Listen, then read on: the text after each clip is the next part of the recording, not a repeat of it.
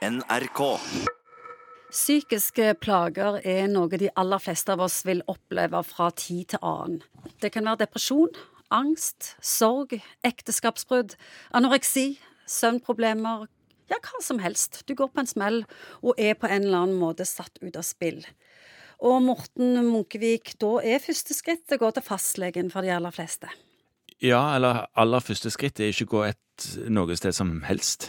De eh, forteller ikke om psykiske problemer, verken til ektefelle, foreldre eller barn, eller arbeidskollegaer eller venner eller kjente eller noen. De sitter alene med det. Mm. Og det er jo noen ganger hovedproblemet, og noen ganger kilden til at det bare blir verre.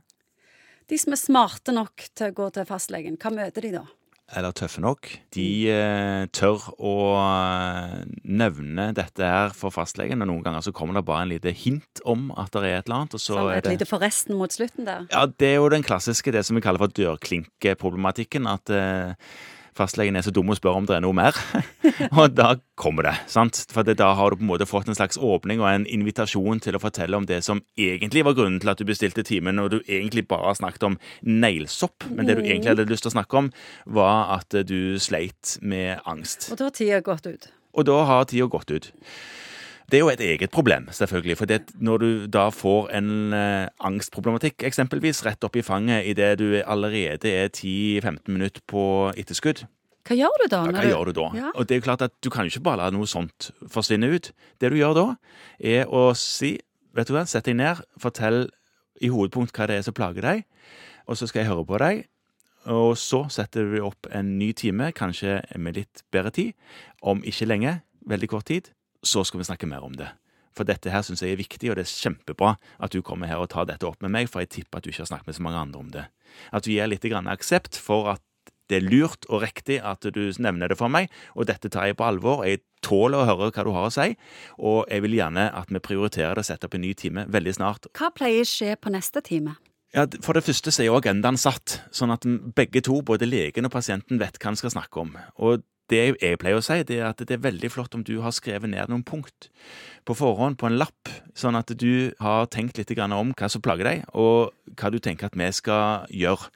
Så det å ha skrevet ned noen punkt om hvordan dette farger hverdagen, hva som er hovedproblemet, og hva en tenker at en skal få hjelp til, er ofte en god hjelp i de settingene. Fordi noen ganger så havner dette her eh, videre i helsesystemet, og da må en skrive en god henvisning, og det gjør en ikke uten å ha prata godt med pasienten. Og da får de komme rett til psykolog? Nei, dessverre. Hvor lenge må de vente? Ja, det kommer helt an på problemstillingen. Noen ganger så får de jo ikke tilbud om uh, psykolog i uh, helsevesenet i det hele tatt. Hvor dårlige må du være for å få tilbud om å snakke med en psykolog, da? I det offentlige så er mitt inntrykk i alle fall at du må ha ganske betydelig stort lidelsestrykk, som de kaller det. Altså store problemer og farge hverdagen din ganske kraftig. Eller så henviser en til det kommunale opplegget, hvor det er mer lavterskeltilbud, enten gruppetilbud eller mer individualisert retta. Eller så kan en gå privat. Og noen har jo òg helseforsikring som gjør at en blir dekka til det private, men det er jo en særgruppe. Fungerer det sånn som det er nå? Jeg skulle gjerne likt å si ja på det. Eh, Jeg skulle eh, ønsket meg at det var et bedre opplegg til eh, psykiske lidelser. Det er mange som eh, sliter, og mange som sliter alene. Men de som virkelig trenger hjelp, de får god hjelp.